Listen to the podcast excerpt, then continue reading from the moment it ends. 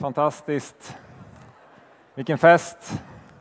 Det känns ju väldigt, väldigt eh, stort att få predika en sån här söndag och med en sån här kör och alla proffsiga, härliga människor.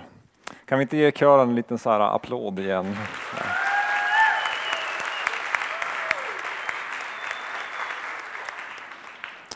Finkostymen är på.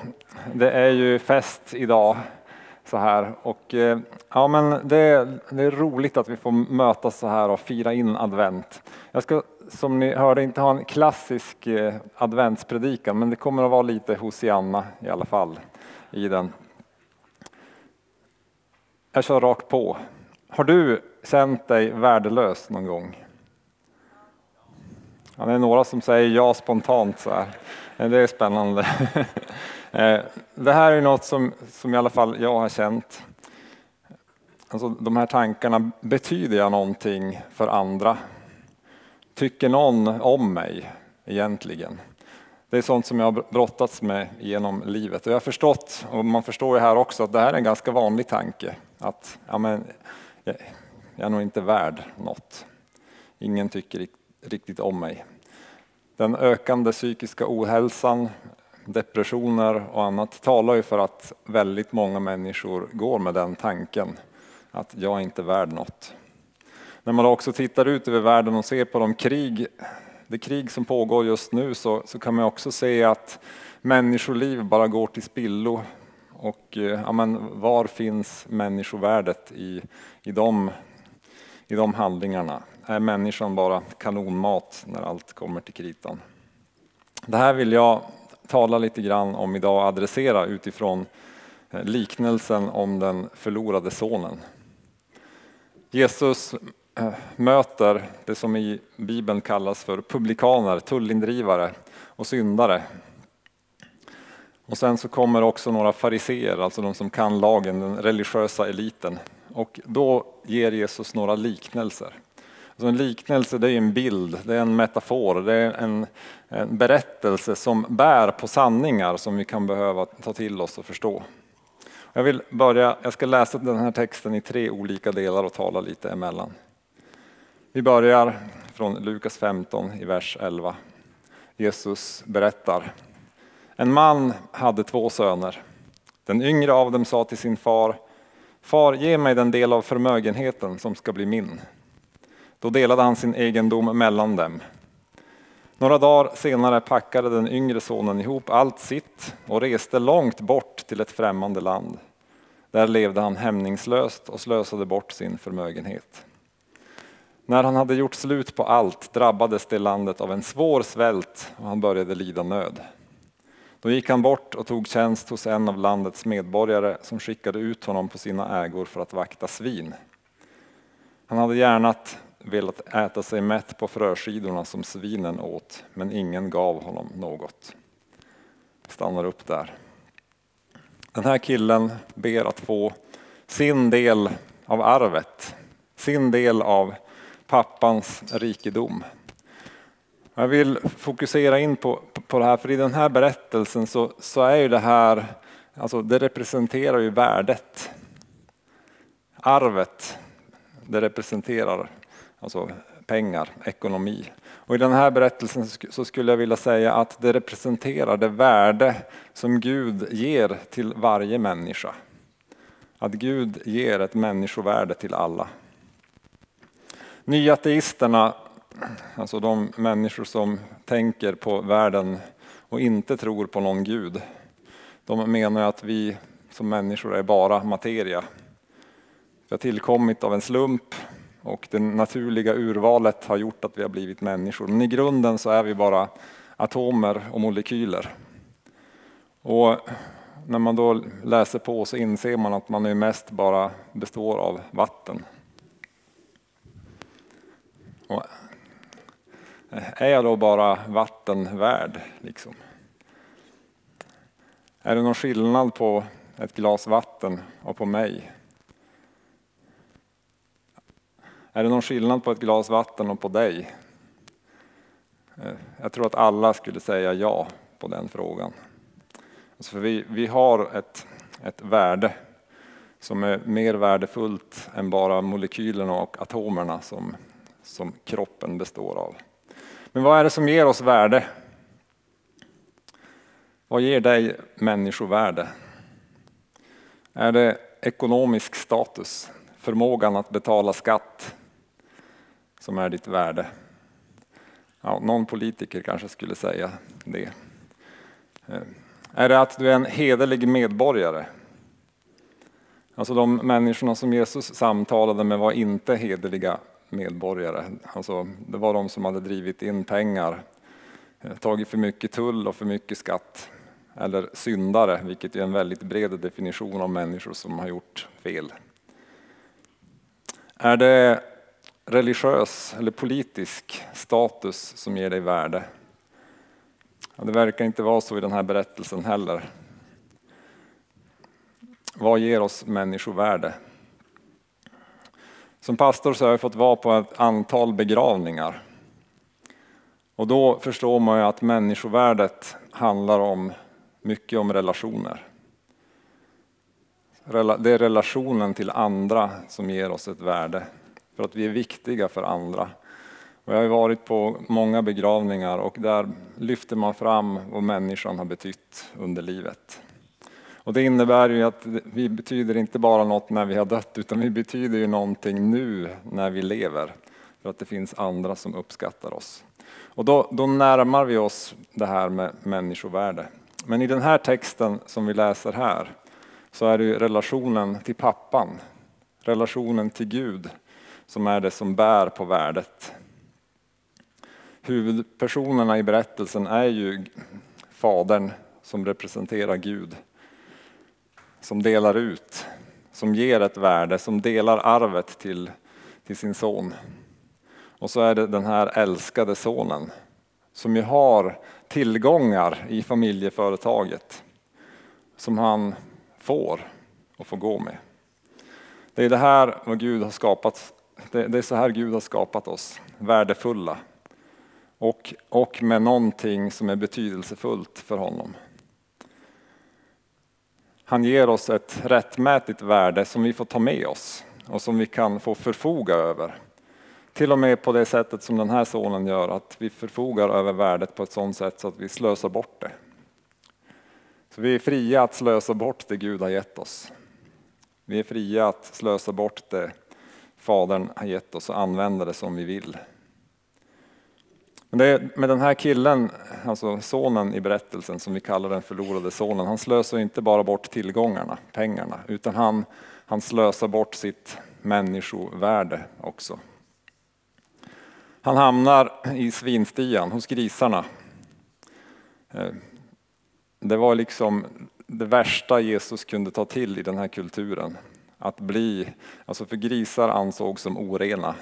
Och att, att liksom hålla på med grisar var ett orent jobb vilket gjorde att du var oren, du fick inte vistas bland andra människor i, i, i den judiska församlingen. Så det var det värsta han kunde ta till. Och att hamna, hamna bland grisarna, det var liksom dåtidens cancel culture. Där är man liksom förpassad ut i mörkret. Där ingen tycker om en, där man inte får vara med längre. Så det är här den här sonen sitter.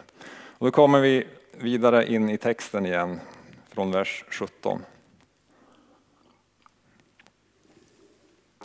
Då kom han till besinning och sa hur många arbetare hos min far har inte mat i överflöd och här svälter jag ihjäl.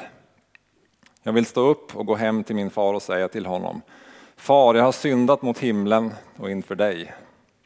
Jag är inte längre värd att kallas din son.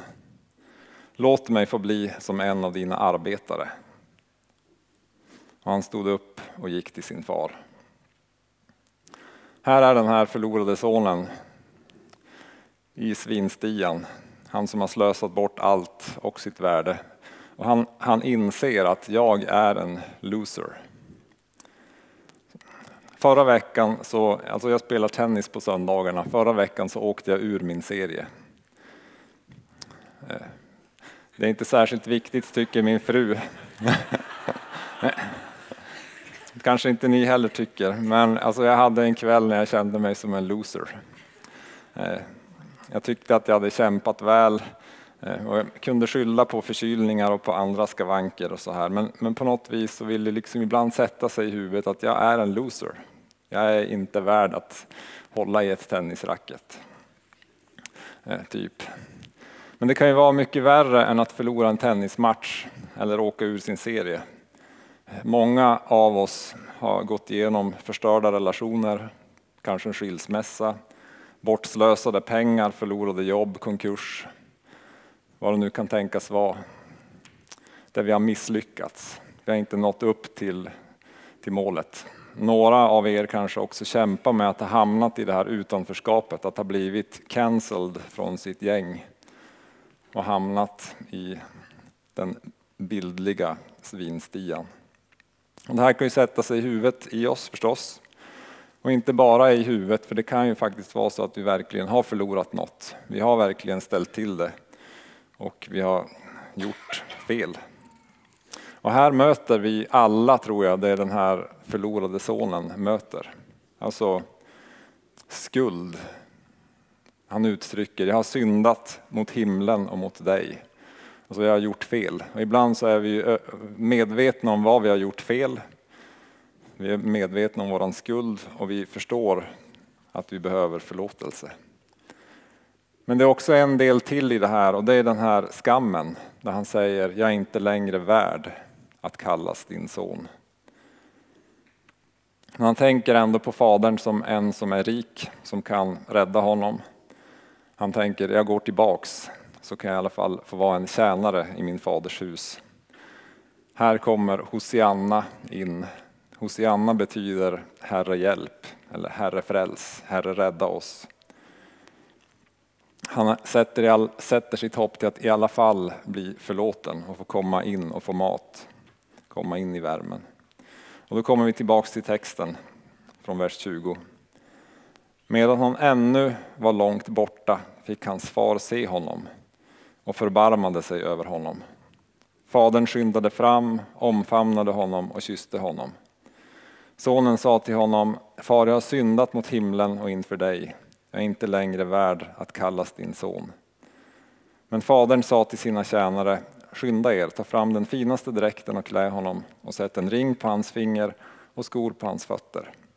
Och hämta gödkalven och slakta den. Nu ska vi äta och fira, för min son var död men har fått liv igen. Han var förlorad men är återfunnen. Och festen började. Den här texten antyder liksom att fadern har stått där och spanat, för han ser honom på långt håll. Så en längtan hos fadern i berättelsen att få återse sin son. Han skyndar sig fram, han kramar om honom, han kysser honom. Det är lite vulgärt för oss i Sverige kanske, men i, i den här kulturen så var det något heligt, något väldigt mottagande. Så han får ett, en, en varm och öppen famn. Men det som är intressant i berättelsen är att trots den öppna famnen, trots omfamningen, trots kyssen så lever sonen kvar i den här tanken. Jag har syndat mot himlen och inför dig. Jag är inte längre värd att kallas din son. Alltså det här med värde kan sitta djupt i oss. Är jag värd att kallas din son? Jag tycker inte det. Han dömer sig själv hårt och säger jag är inte värd. Har du sagt det någon gång inför Gud? Du behöver inte räcka upp handen eller svara. Jag är inte värd. Det som händer då är att fadern, han säger inget mer här till, till sonen. För skam kan man inte prata bort. Utan den kan man bara älska bort. Och ta bort.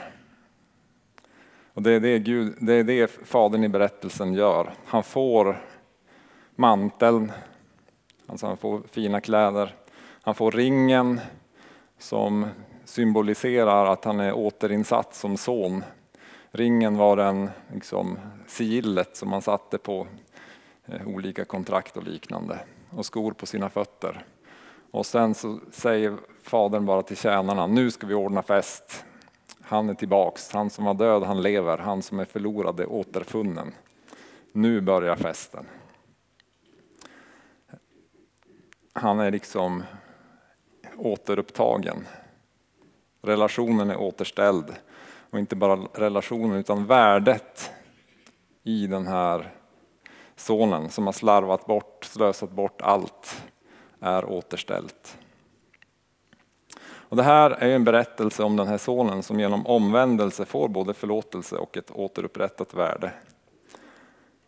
Och poängen är att det är bara han som gav värdet från början. Som kan både förlåta och återställa värdet i oss. Vi behöver Guds öppna famn.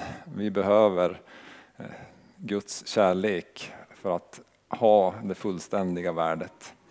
Gud har både skapat oss och gett oss ett människovärde. Men Gud har också räddat oss genom Jesus Kristus. Det välkända bibelordet i Johannes 3 och 16 säger, ty så älskade Gud världen att han utgav sin enfödde son för att den som tror på honom inte ska gå förlorad utan ha evigt liv. När vi slösar bort värdet, irrar bort från Gud, så är, det, så är det en förlust för Gud. Så Gud ser ett sånt värde i dig att han ser det som en förlust när du Eh, ja, lämnar honom. Och så står det, inte sände Gud sin son till världen för att döma världen, utan för att världen skulle bli räddad, bli frälst genom honom.